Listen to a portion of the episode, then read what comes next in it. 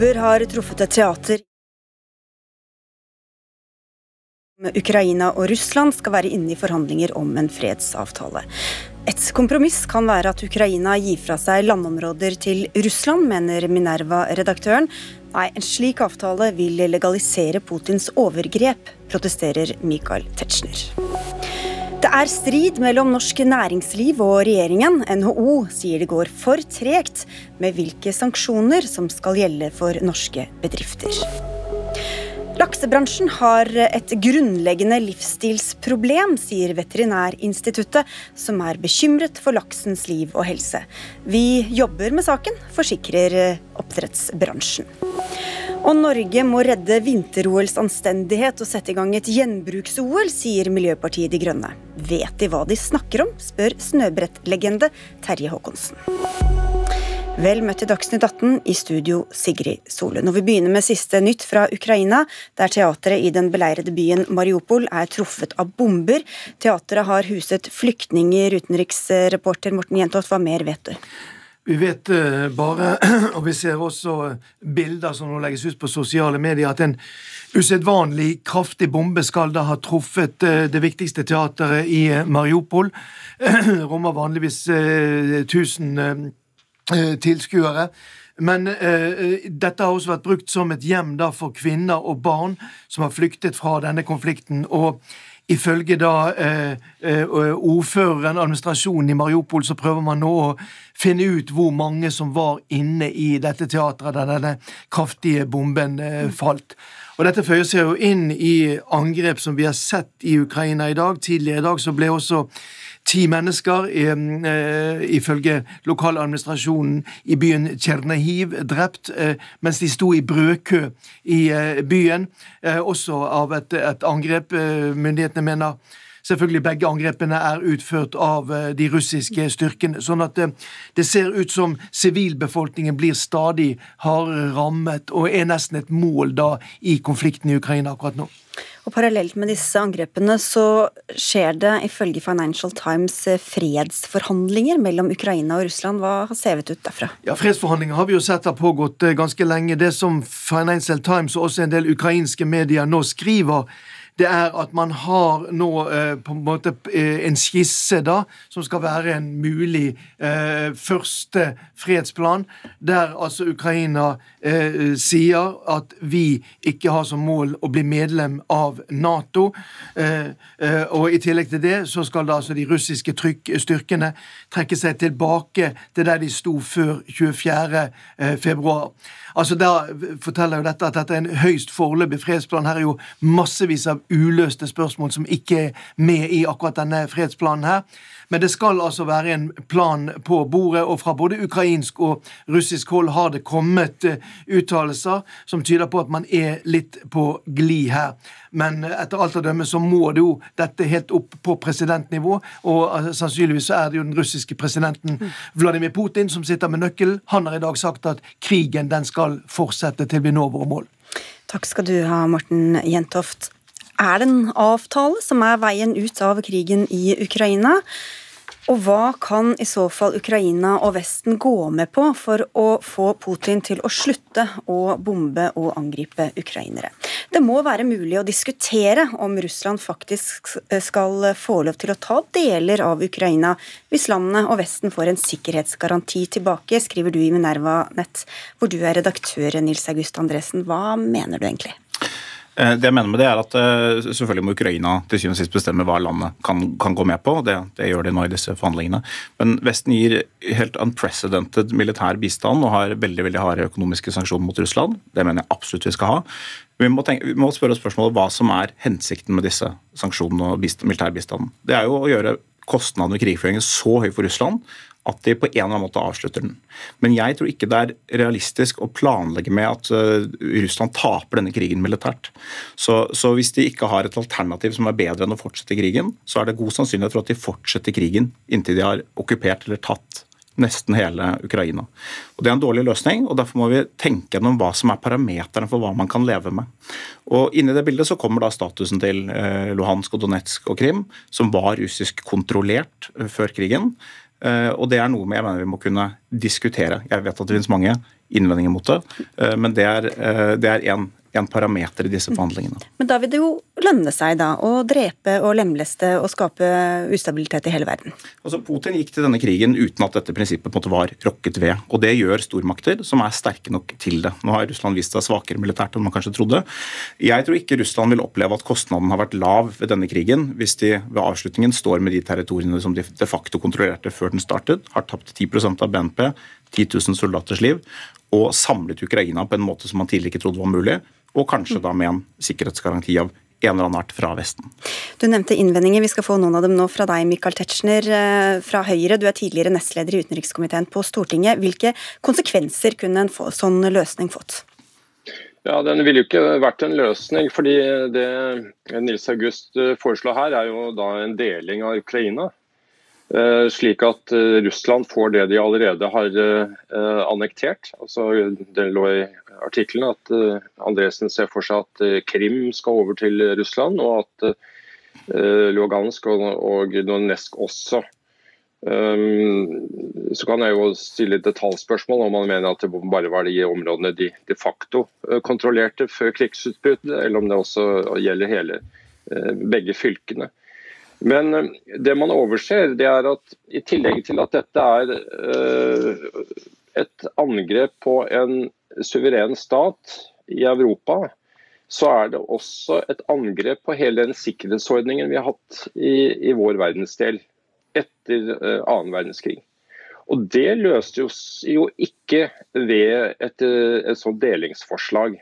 For Det betyr jo nettopp at man legaliserer de overgrepene som allerede er gjort. Man, man sier at det er greit med Krim, det er, det er greit med åtte års uh, destabiliserende krig i en region.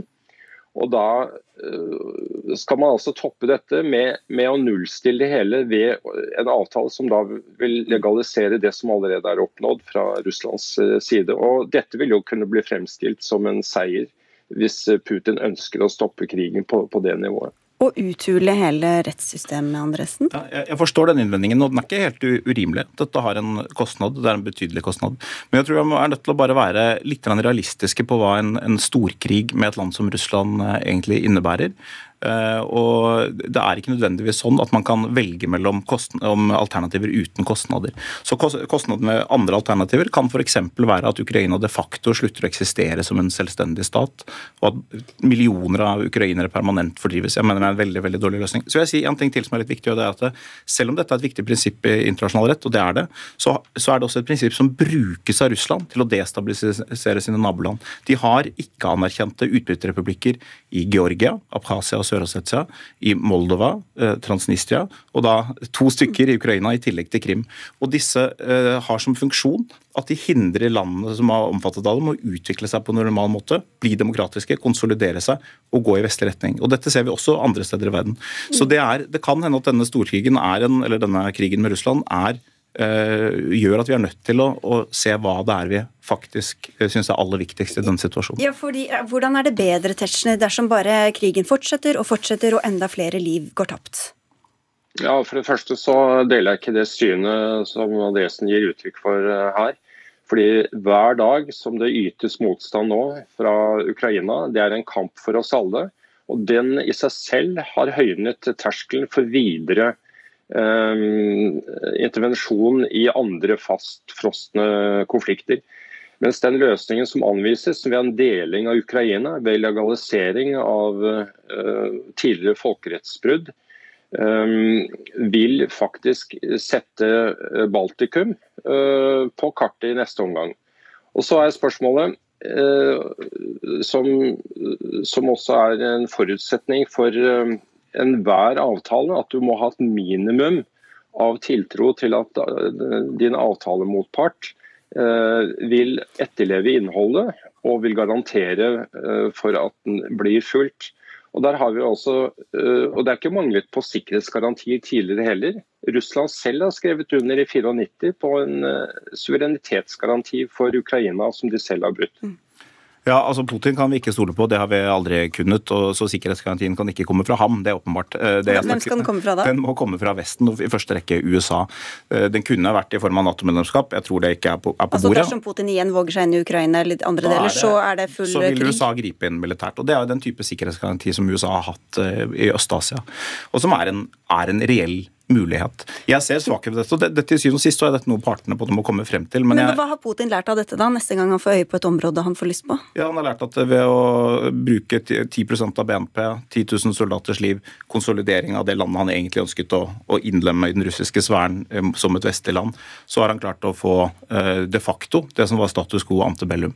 Og det er ikke noen stor gevinst. Det er klart at Putin kan fremstille det som en seier, men, men det vil han kunne med hva som helst, for Russland er et ekstremt autoritært regime som eh, kontrollerer informasjonen i Russland. De betaler en veldig høy pris for denne kampen for oss alle i Ukraina, da, Tetzschner? Ja, og det er den, de ofre som allerede er gitt, som man altså da skal gi fra seg i en avtale ved nettopp å legalisere de overgrepene som har skjedd. Og så vil jeg formode at Andresen mener at da skal sanksjonene også oppheve, oppheves. Jeg leste i artikkelen at vi ikke bør ha som som uh, siktemål å, å, fjerne Putin. Uh, jeg mener at hele uh, det sporet vi er inne på nå, som er Natos svar og som er den vestlige demokratienes svar, det er jo at vi møter jo ikke dette med, med Nato-militær motstand. Vi møter jo dette med sivile virkemidler, og det er derfor vi gir oss inn på sanksjonslinjen. Så det er sanksjonslinjen som vil kreve mye av oss andre. Og Da er ikke det, dette skal vi si, i og for seg sympatiske innspill fra Andresen det, det vi skal bruke tid på nå. Det er strålende om Putin eh, faller eller om Russland velger en, en annen vei. Eh, mitt poeng er bare at jeg ikke, mener ikke at det er veldig realistisk at sanksjonene faktisk fører til det. Det handler ikke om hva som er vårt mål, eh, men om hva som er, hvilke virkemidler vi har til, til disposisjon.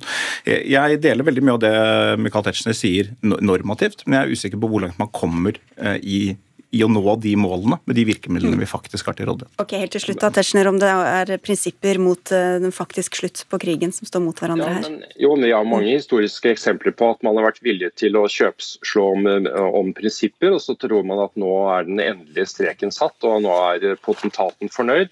Og så, går, eh, så har man bare funnet ut at man har stilt seg i en dårlig situasjon. og, og og trukket frontlinjene andre steder. Og så må men, jeg men si beskyttelsen til disse landene er Natos sikkerhetsgaranti, nei, ikke nei, disse de, andre prinsippene. Så det er ja, Nato ikke, som må holde disse prinsippene fast. Ja, men, men vi får dem ikke inn i Nato. fordi jeg går ut fra at du forutsetter at Russland må være med på å underskrive en avtale. Du tar, tar til orde for status quo på det de allerede har folkerettsstridig oppnådd. Og, og, så skulle de altså godta at Rest-Ukraina ble, ble ja. Så hvis de ikke godtar det, så blir det jo ikke noen avtale? Så da er det jo ingen, ingen grunn til bekymring? Da blir det ikke noen Nei, men Poenget er at da har du gitt fra deg sanksjonene underveis, og nå er sanksjonene den største praktiske muligheten til at det blir regimeendringer i, i, i Kreml. Dere, vi må sette strek. Takk skal dere ha begge to, Nils August Andresen og Michael Tetzschner.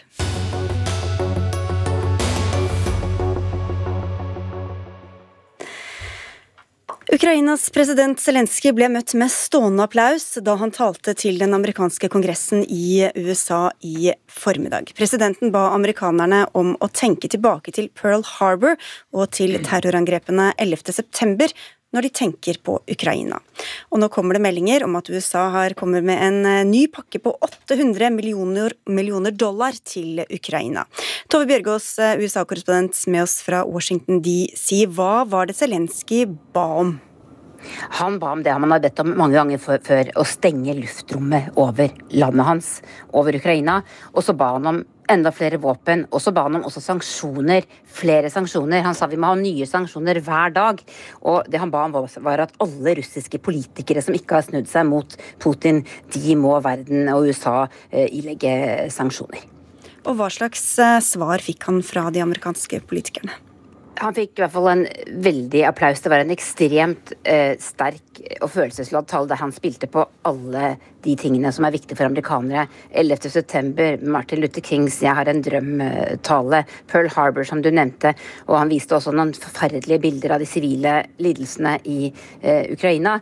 Men kongresspolitikerne de er, et flertall av dem er fortsatt negative til å åpne dette luftrommet, selv om det er et, et press mot Biden nå på å gjøre mer militært. Det har også vært snakk om man kan få inn jagerfly til USA. Eh, det, men, men, altså, eh, det å åpne luftrommet, det er det mange mener vil eh, bringe USA inn i krigen.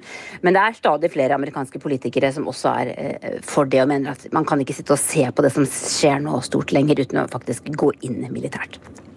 Tusen takk skal du ha, Tove Bjørgaas. Vi skal høre hva vi gjør her hjemme, men eh, først skal jeg bare ta med en nyhet som akkurat kom, nemlig om at DNB får kjøpe S-banken etter at Konkurranseklagenemnda enstemmig opphevet Konkurransetilsynets vedtak om å forby oppkjøpet. Og du kan lese mer om dette på nrk.no. Amerikanerne lover altså store summer. Her hjemme har det vært uenigheter departementene imellom om hvem som har ansvar for å få sendt av gårde saker som Ukraina har bedt om. Dere skriver om dette og viser til et politikernotat. Harald Klungtveit, du er redaktør i Filter nyheter. Fortell hva det er dere har avdekket her.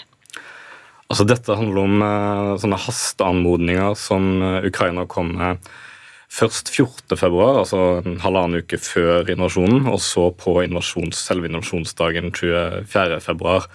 Um, dette er ikke anmodninger om penger eller om donasjoner til hjelpeorganisasjoner eller noe, noe sånt. Dette er helt konkrete lister med hjelp. Dette trenger vi nå med en gang. Altså, da snakker vi telt, soveposer, medisinsk utstyr, kjøretøy.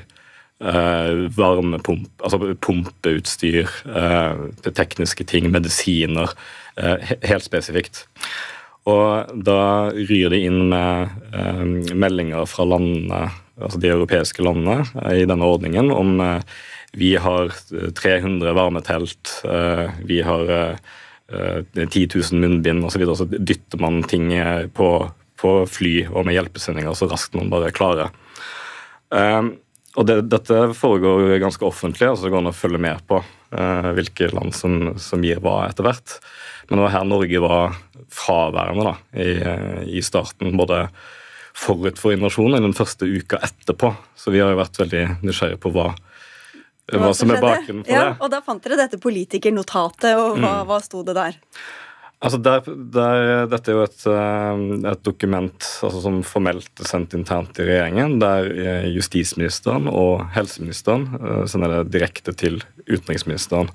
Og Der kommer de med ganske mye indirekte kritikk av UD, der det ser ut til å være deres oppfatning av situasjonen at det er UD som en godkjenningsinstans oppretter, som er en form for flaskehals. da. At det er et eller annet som foregår knytta til finansieringen.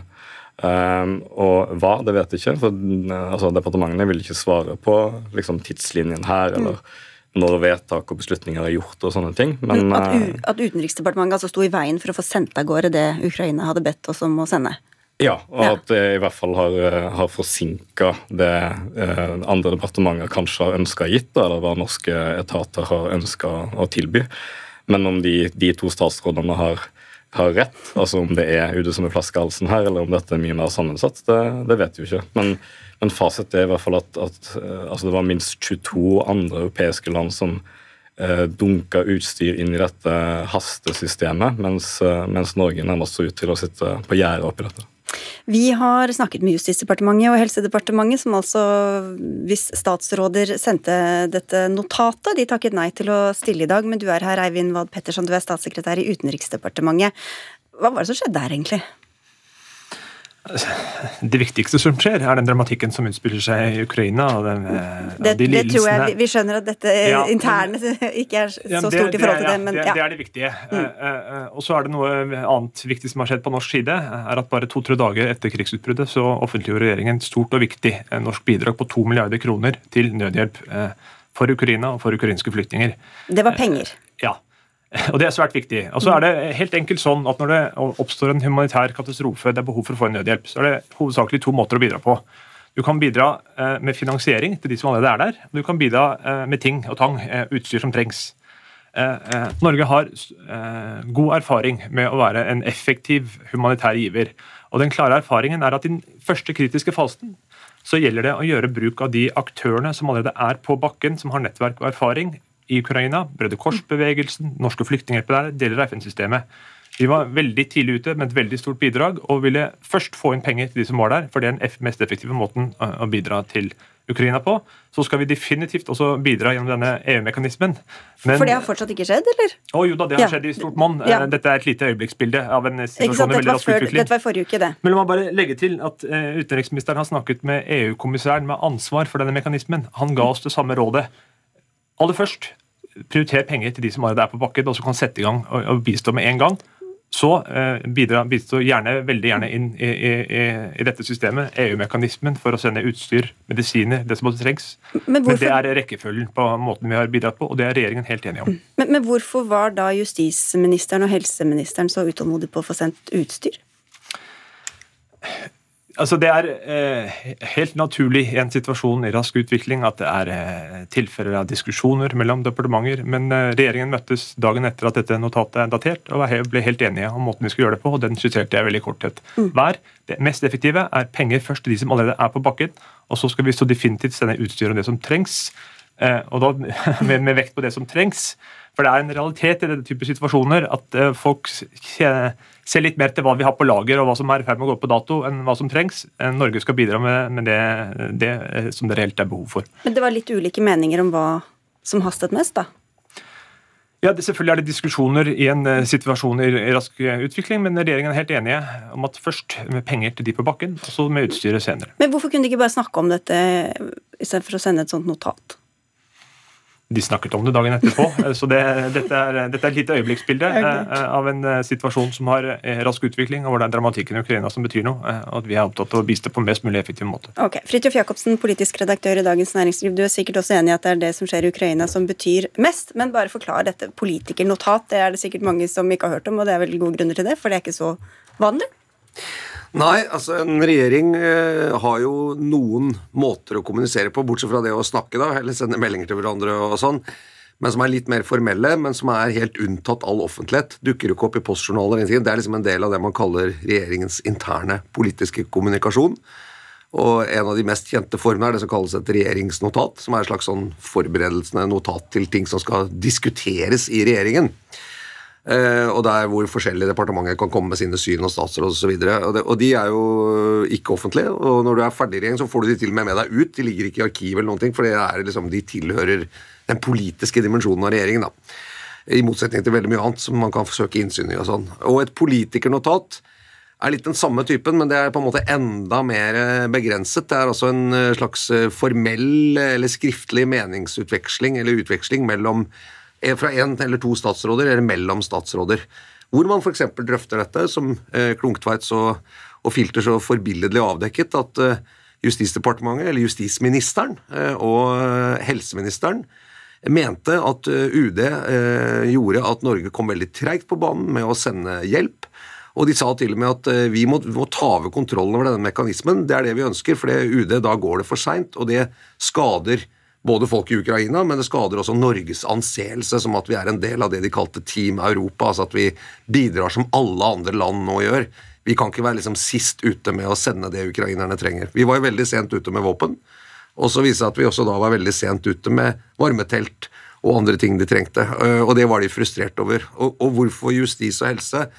Jo, det er fordi at det som heter Direktorat for samfunnssikkerhet og beredskap, som har en del sånne ting som kan hjelpe sivil befolkning i krig og, og krise, det ligger under Justisdepartementet. Og Folkehelseinstituttet kan også ha en del ressurser som kan sendes for helsehjelp osv. Så, videre. så jeg tror det er derfor det er disse to statsministrene. Men det viser jo at uh, altså, er ganske opphetet diskusjon mellom statsråder i regjeringen i en krigs- og krisesituasjon som ryster hele verden, som kommer frem i dette notatet.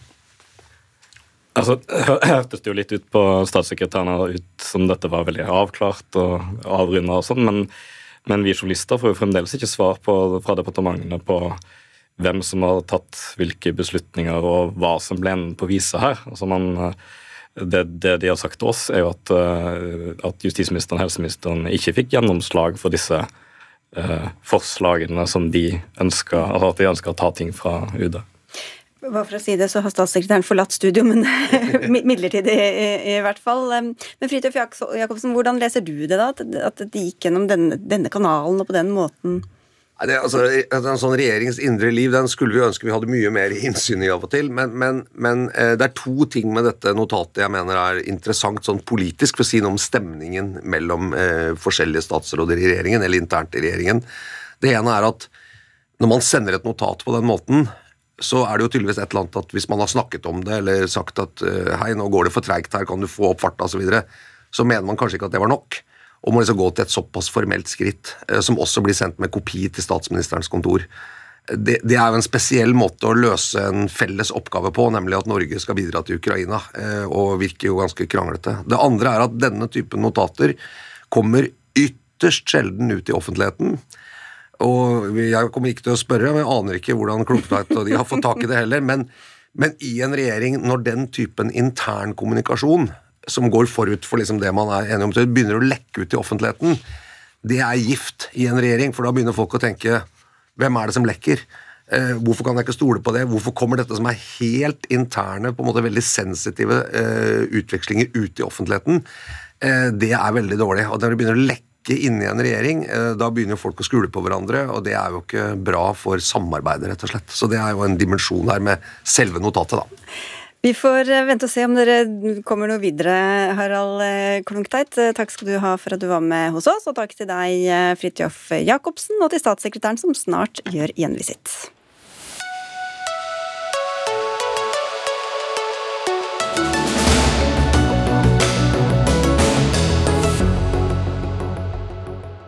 Mens eh, flere sanksjoner mot Russland og russisk næringsliv for lengst er innført i EU og andre land, er det fortsatt uklart hvordan sanksjonene skal innføres her hjemme. Tre uker inn i krigen jobber Utenriksdepartementet fortsatt med å lage en norsk versjon. Og dette får de kritikk for av dere gjennom Dagens Næringslivsspalter, Anniken Hauglie. Du er viseadministrerende direktør i NHO.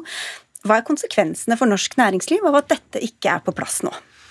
Ja, nå, nå, har vi jo, det, det, må jeg si, da, nå har jo UD valgt å lytte til oss, og nå har vi fått et eh, kontaktpunkt. Vi har jo veldig tidlig i konflikten eh, invitert eh, regjeringen og UD til et eh, samarbeid og tett eh, dialog. Det som våre medlemmer, Vi har hatt my veldig mye tilbakemelding fra våre medlemmer, medlemmer underveis i den konflikten.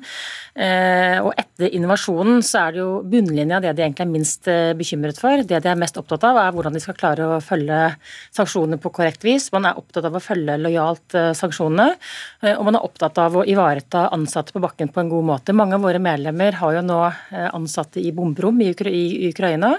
Og mange har jo også ansatte eh, i Russland som risikerer straffeforfølgelser av russiske myndigheter når de trekker seg ut. Eh, så det å på en måte få, loven, eller få sanksjonene implementert i loven, slik at det er den som gjelder, altså så lenge, så lenge ikke det er implementert i lov, så, så, gjelder det på en måte per definisjon egentlig ikke. Og det er jo et viktig spørsmål f.eks. når det gjelder eh, kontrakter og de mer juridiske spørsmålene. Man er også opptatt av eh, hvor langt er det man er forpliktet til å gå, f.eks. i å undersøke hvor varer og tjenester og produkter og eierskap kommer fra. Det er også vanskelig for mange av bedriftene.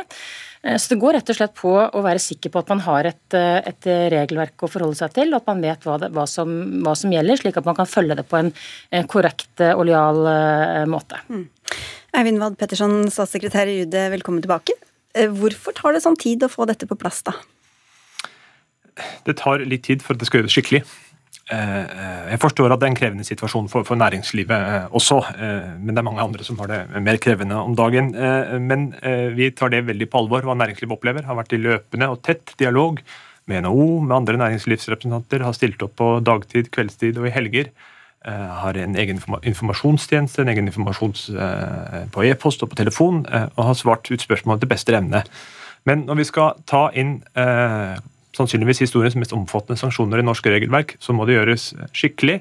Eh, eh, sanksjoner er i, eh, ikke en del av EØS-avtalen. Norge skal styres basert på norsk lov, ikke bare kopier, kopier og henvisninger til hva som EU bestemmer. Derfor må det skrives et helt eget norsk regelverk som henger sammen og som er forståelig. Eh, og Forutsigbarheten eh, burde være helt klar og tydelig, fordi regjeringen har sagt lenge at vi kommer til å innføre det samme som EU. Eh, og Det er offentlig tilgjengelig informasjon, så det, er mulig å forstå hva som kommer, men at det skal gjøres helt mest mulig skikkelig og grundig. så tar vi den tiden det trenger. Hvis vi både gjøre det på egen hånd og bare gjøre det EU gjør samtidig? Nei, altså jeg, EU har vedtatt omfattende sanksjoner i flere runder. Island, også et EØS-land, har også sluttet seg til, men har gjort det på en enklere måte ved å bare oppdatere sitt lov- og forskriftsverk veldig kort, men så bare henvise og lenke til måten EU gjør det på.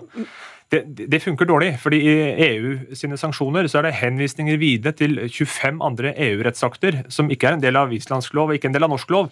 Så vi skal gjøre det skikkelig i Norge, og da må det henge sammen i norsk lov og forskriftsverk. Så det er ikke sikkert at bedriftene ville blitt så mye klokere av å bare vise til EU-regelverket, da, Hauglie? Altså, det er ikke noe tvil om at uh, det er vel en 500-600 sånn sider med teknisk uh, regelverk, så det er ikke noe tvil om at dette er, er uh, vanskelig. Jeg har full forståelse for at det også er krevende arbeid fra UDs og norske myndigheters side, men det ville likevel vært lett lettere eh, for bedrifter og med loven i hånd kunne bl.a. si opp en del kontrakter osv. Det er ikke noe tvil om heller, og jeg er helt enig om at det er veldig mange andre som har det langt verre enn norske bedrifter for tiden. Det er en forferdelig hendelse vi ser med de grusomhetene som nå er i, i Ukraina. og Det er også derfor nettopp norsk næringsliv sammen med europeisk næringsliv helhjertet også støtter opp om sanksjonene nettopp for å få slutt på det regimet som som vi ser.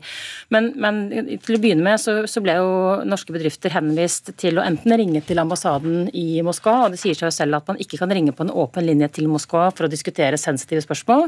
Og det var en e-post også som man har hatt variert erfaring med tidligere, så vi ønsket et fast kontaktpunkt. Og nå er det kommet, så vi er veldig glad for at UD nå har snudd seg rundt og, og kommet oss i møte på dette. Og vi vil jo også invitere UD og norske myndigheter også framover til å ha tett dialog med oss. Vi er på bakken, får veldig raskt tilbakemeldinger eh, og innspill på hvordan sanksjoner og annet fungerer, og vi vil kunne være en, en god og viktig samtalepartner og, og diskusjonspartner også med myndighetene.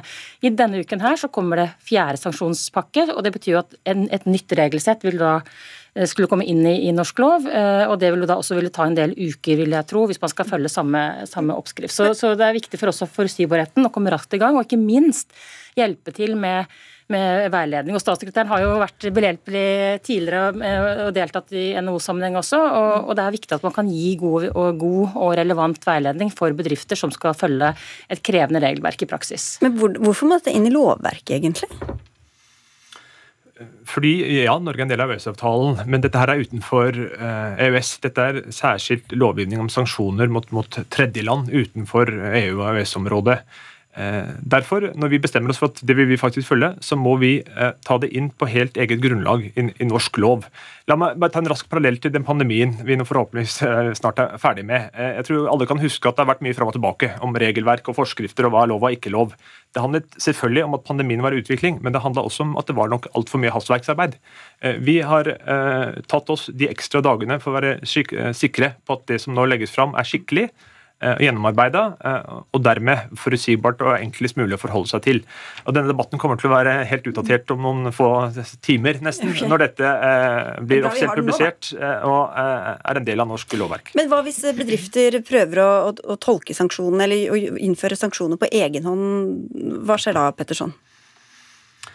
Nei, altså det, den Dynamikken vi har opplevd de, de, siste dagene, er jo at eh, ikke bare bedrifter, men virksomheter og enkeltpersoner ønsker å reagere mot det brutale som skjer i Ukraina, eh, på sin måte. Og det er i og for seg for, eh, forståelig eh, fullt ut. Eh, men det er for bedrifter både en, en føre-var-dynamikk og en hensyn til eget omdømme-dynamikk vi, vi, eh, opplever. Eh, jeg vil være klar på fra vegne av regjeringen og det som kommer til å være norsk lov og regelverk. Det vil være tilsvarende det som er i EU og det som blir en del av norsk lovverk. Det er det vi skal forfølge, og det kommer til å være i og for seg ganske alvorlige straffebestemmelser der også. Nok en grunn til å gjøre dette skikkelig.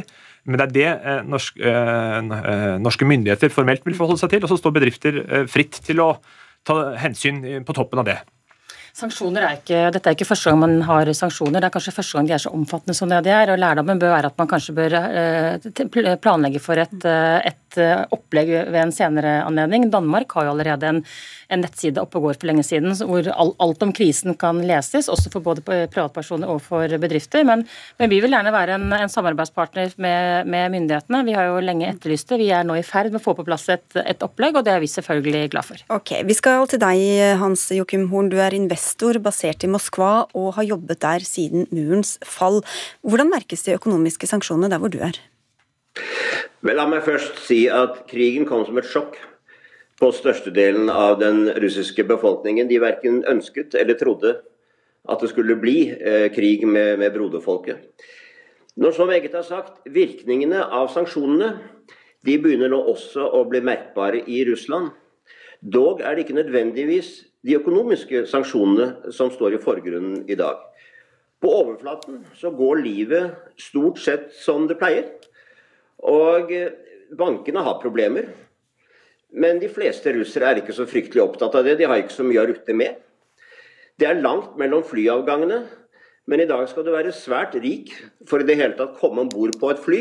Så det er heller ikke noe som bekymrer folk flest.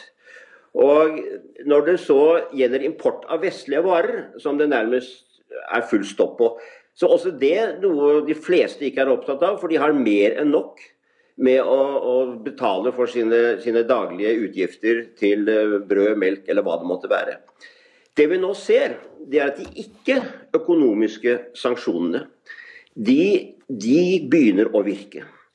Eh, det gjelder sport, det gjelder kultur, og det gjelder mellommenneskelig samarbeid. Russere har jo fått med seg at de får ikke lov å være med i noen som helst form for idrettsaktivitet. Enten det er paraolympisk, fotball eller hva det nå måtte være. På kultursiden er det jo gått så langt at man får ikke engang oppføre russisk musikk i utlandet, selv om det er utenlandske orkestre som spiller. Og også på det mellommenneskelige området så er det blitt vanskelig. Hmm. Selv har jeg opplevd hvordan russiske barn og ungdom blir eh, fratatt muligheten til å studere ute. Dvs. Si de mister visumet, og plutselig så står de der på bar bakke. Og dette blir verken forstått eller akseptert. Og dette går jo da hånd i hånd med en svært ensidig, jeg vil si nærmest eh, propaganda her borte. Og eh, russere de tør jo ikke lenger snakke russisk i utlandet. Og de tør iallfall ikke vedkjenne seg sitt russiske statsborgerskap. Og dette er russere som til dels har flyktet fra landet fordi de ikke tolererer krigen og ikke ser noen fremtid i Russland i det hele tatt. Dette kan nok på sikt føre til at enkelte lag av befolkningen eh, kommer til å vende seg mot Vesten. Jeg håper ikke det skjer, men det skal man ikke se bort ifra. For disse sanksjonene føles urettferdige. De økonomiske sanksjonene derimot, det skjønner man. Man skjønner hvorfor de er der. Men disse ikke-økonomiske har man problemer med. Og, og, Hvordan blir det mottatt i næringslivet, da, særlig da hos de som opererer internasjonalt? Nei, altså det, Når det gjelder næringslivet, så var det ingen der som trodde at det skulle gå så langt uh, som det gjorde. Og det har jo gått så utrolig fort. Ta Aeroflot, som var et av de største, og jeg vil til og med påstå beste flyselskapene i Europa. I løpet av to uker så ligger de med brukket rygg. De får ikke forsikring, de får ikke deler, de får ingenting. Og hvis de flyr utenlands, så risikerer de at flyene blir arrestert. Når du har, når du har det vanlige eh, næringslivet her borte, så er jo de stort sett opptatt av det russiske eh, markedet. Og det er der jo fremdeles. Når det gjelder eksportbedrifter, så har jo det veldig mye vært knyttet til olje, gass og mineraler. Og de tar vel nå egentlig en pause, men de regner med at de vil komme tilbake når Vesten for alvor begynner å føle behovet for russiske varer. De har jo en del råstoffer i Russland som vi er helt avhengig av i Vesten, og de regner med at de råstoffene vil det også bli etterspørsel efter i fremtiden. Det er atskillig verre når du ser den andre veien. Okay. Utenlandske bedrifter har mistet helt troen på Russland. Og Hvis du sammenligner dette med 1998, da kommer jo utenlandske bedrifter veldig fort tilbake. Det tror jeg neppe kommer til å skje i dag.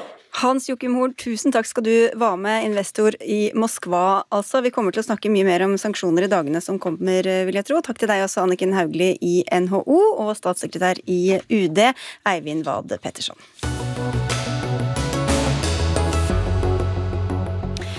Da skal vi snakke om norsk laks. Den har det ikke så bra, i hvert fall ikke bra nok. Det slår Veterinærinstituttet fast i den årlige rapporten de gir ut om fiskehelse. Dødeligheten er for høy, sykdommene er mange og økende, og problemene med lakselus fortsetter, skriver Dagens Næringsliv. Mange titalls millioner laks døde før de skulle. Bjørnar Werner Jacobsen, du er president i Den norske veterinærforeningen. Hvordan har norsk oppdrettslaks det?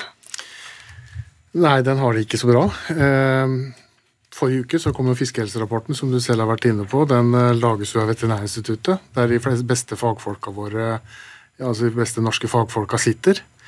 Og den sier jo at i gjennomsnitt så er det 15 av, av oppdrettslaksen som dør, altså i, i oppdrettet.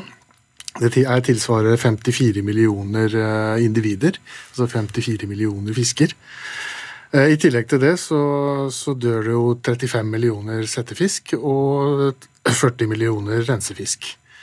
Og vi i Veterinærforeningen vi har jo lenge ment at uh, her er det noe alvorlig galt fatt, og at uh, man må se på fiskehelse og, og velferd for fisken som en del av uh, kriteriene for tildeling av nye konsesjoner. Eh, det er på en måte hovedpoenget vårt. Ja, for Dette er jo en bransje som har vært i sterk vekst, og som satser på sterk vekst også i årene som kommer. Karoline Skaar Amthor, du er fagsjef for miljø og helse ved Sjømat Norge. Høy dødelighet, sykdom, rømming, lakselus. Hvordan kan næringa leve med stadig sånne rapporter?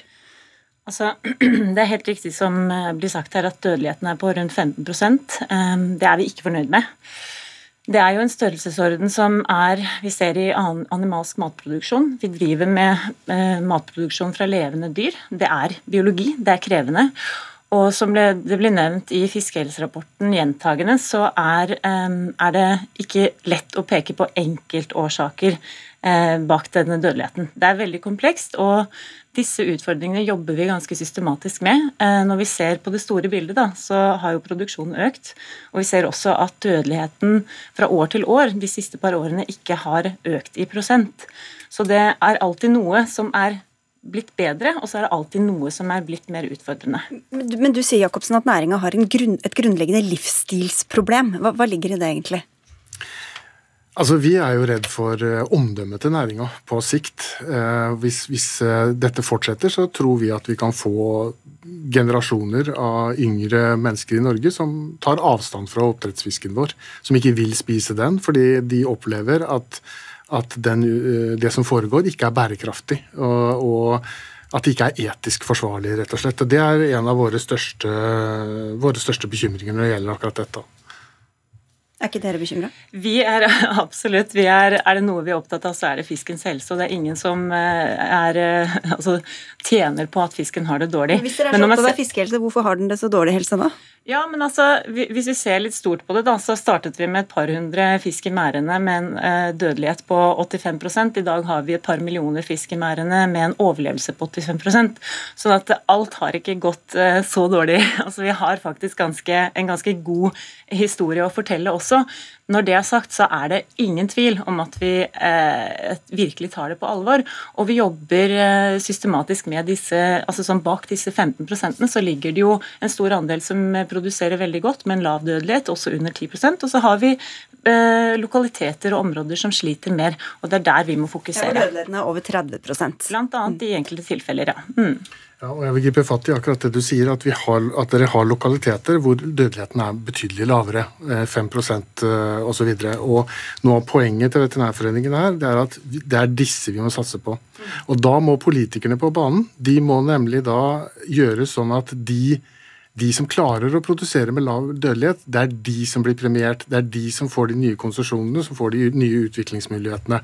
Det er dessverre ikke, dessverre ikke mulig med det systemet vi har i dag, fordi at det systemet vi har i dag, ikke eh, tar inn fiskevelferd og fiskehelse som en del av vurderingskriteriene. Da spiller vi den rett videre til deg, Karianne Bråten. Du sitter i næringskomiteen på Stortinget for Arbeiderpartiet. Hvorfor er ikke det et av kriteriene når dere bestemmer hvem som skal få ekspandere og satse og hvem som ikke skal få det? Så aller først må jeg få lov å si at god uh, dyrehelse er, er, viktig. Det er viktig for næringa, som vi hører. Det er viktig for samfunnet. Samfunnet er opptatt av det, og det er også vi opptatt av. Og den rapporten som nå er kommet, er en god temperaturmåling på hvordan det, de har det. Og det, det vi gjør, altså vi har, det systemet vi har i dag, er jo et trafikklyssystem. Det er jo den ene sida ut av det. Og der har vi sagt at vi skal justere og utvikle den, sånn at du får flere miljøindikatorer som kan bestemme det. Fordi at vi vet at den ikke, den er ikke god nok.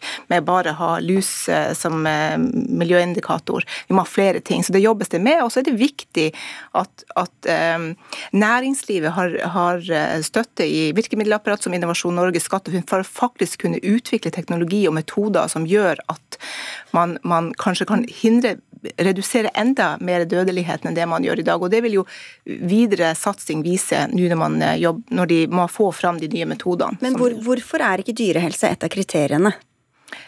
det er jo den eh, forrige regjeringa som har lagt fram eh, trafikklyssystemet, og vi ønsker å forbedre den. og Da vil vi ha flere miljøindikatorer inn, og da kan jo dyrehelse være en av de indikatorene. Men det er for tidlig å si, men jeg vet at de jobber med det. Ok, um, Amtor, um, det er mange som etterlyser strengere regler. Vi hører dette innspillet fra veterinærene her. Men, men, du sier at noen ganger så kan reglene tvert imot være for rigide, eller bli håndhevet for strengt? Ja, altså vi, vi, vi igjen da, vi jobber jo med biologi.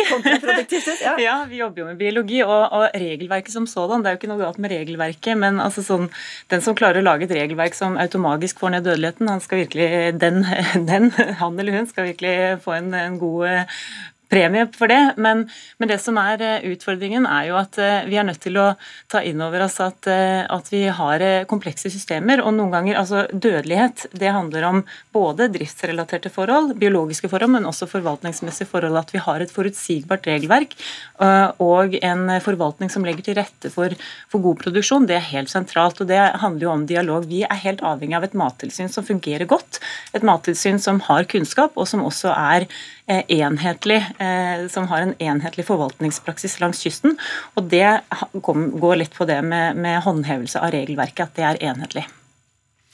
Der er vi jo veldig enige. Eh, når det gjelder Mattilsynet, ressurser til Mattilsynet, oppfølging av Mattilsynets muligheter for å følge opp det regelverket som er der, det er avgjørende viktig. Det er for troverdigheten, det er for å, for å kunne løse problemet som sådan. Så er det også viktig med tilstrekkelig midler til forskning, nevner Veterinærinstituttet her, som faktisk lager disse rapportene, og som trenger midler for å kunne være mer spesifikke på nettopp øh, å se hvor, nøyaktig hvor skal tiltakene settes inn hen. Det er forskning som, som, som er løsningen der. Men, men, alle er veldig opptatt av dyrehelse, hører vi her. Syns du det virker sånn? I praksis? Nei, altså når når, når, det i snitt dør 15% av den fisken som settes ut i, i merdene Dette er 54 millioner fisk i løpet av et år. Nei, jeg syns ikke det. Da tar man ikke dette høytidelig nok. Og dette er jo ikke første året dette skjer. Dette, dette, har skjedd flere år på rad, og man er nødt til å gripe fatt i problemstillingen nå.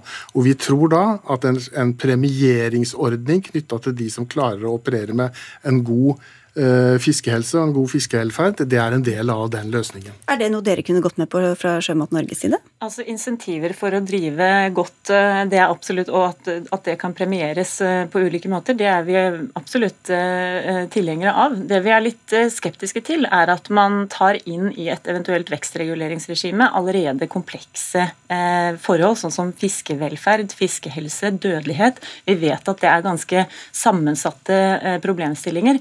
og det å ta disse forholdene rett inn i et allerede komplekst eh, vekstreguleringsregime, det, det, er vi litt eh, avventende til. Men dette er, det er jo levende vesener eh, vi snakker om, ja, da, som har en egenverdi. Også. Hvorfor skal de som ikke klarer absolutt. å ta vare på dem, hvorfor skal de få lov å ekspandere og få holde på med det? Ja, Vi har et lovverk som heter dyrevelferdsloven, blant annet, som skal, så, så, velferd og helse og disse tingene de reguleres gjennom loven. Så eh, Der handler det om etterlevelse og håndhevelse av loven. Eh, og igjen, da, dette, dette, med å jobbe med de komplekse årsaksforholdene bak dødeligheten. Vi ser fra år til år at igjen, noen ting går bedre. F.eks.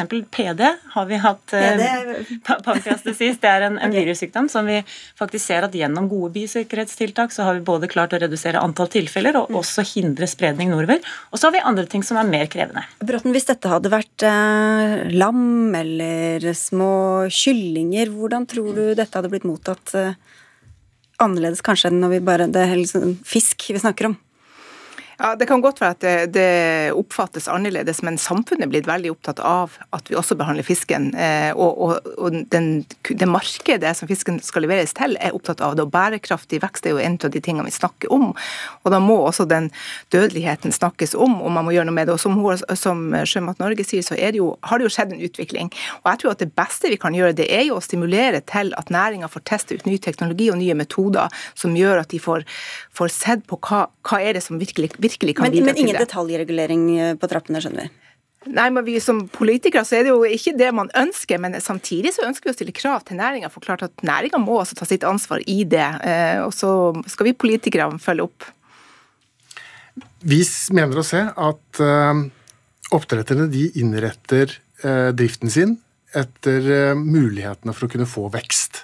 Det er derfor vi mener det er så viktig at dette, disse kriteriene tas inn nettopp i konsesjonsrundene knytta til ny vekst i næringen. Fordi at vi, I praksis viser det seg at det er sånn at, at, eh, at man innretter den driften man har ut ifra mulighetene til vekst. Men hvis det er så komplekst, da, som vi hører fra Sjømat Norge her, hvor treffende kan sånne kriterier være da? Jeg tror de kan være ganske eh, treff sikre, men det for, forutsetter jo da at det forskes på det. ikke sant? Det for, som jeg var inne på i stad, at vi har den kunnskapen som trengs, den må ligge i bånn. Og da peker jeg igjen på Veterinærinstituttet og øh, arbeidet som gjøres der. Ok, eh, Amtor fra Sjømat Norge, hvorfor skal vi stole på at en næring som har vist seg med så mye problemer, klarer å ordne opp i dette sjøl? Um, vel, altså for å si det igjen, da. Vi opererer jo med en dødelighet som på, på samme størrelsesorden som annen animalsk matproduksjon, også eh, landbruket. Eh, og, og, det er ingen unnskyldning. Det er eh, Tvert imot så er vi eh, veldig opptatt av at vi skal få ned dødeligheten. Og det er en, en enorm innsats på å bevilges masse penger til forskning.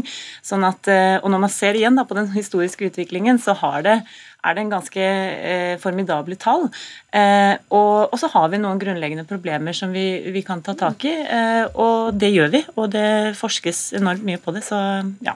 Da får vi se hva som dukker opp blant det grønne og røde og gule lyset etter hvert, da. Og så får vi si takk til dere alle tre. Bjørnar Werner Jacobsen, president i Den norske veterinærforeningen. Karoline Skaar Omtor, fagsjef for miljø og helse ved Sjømat Norge. Og Karianne Bråten, som sitter på Stortinget for Arbeiderpartiet.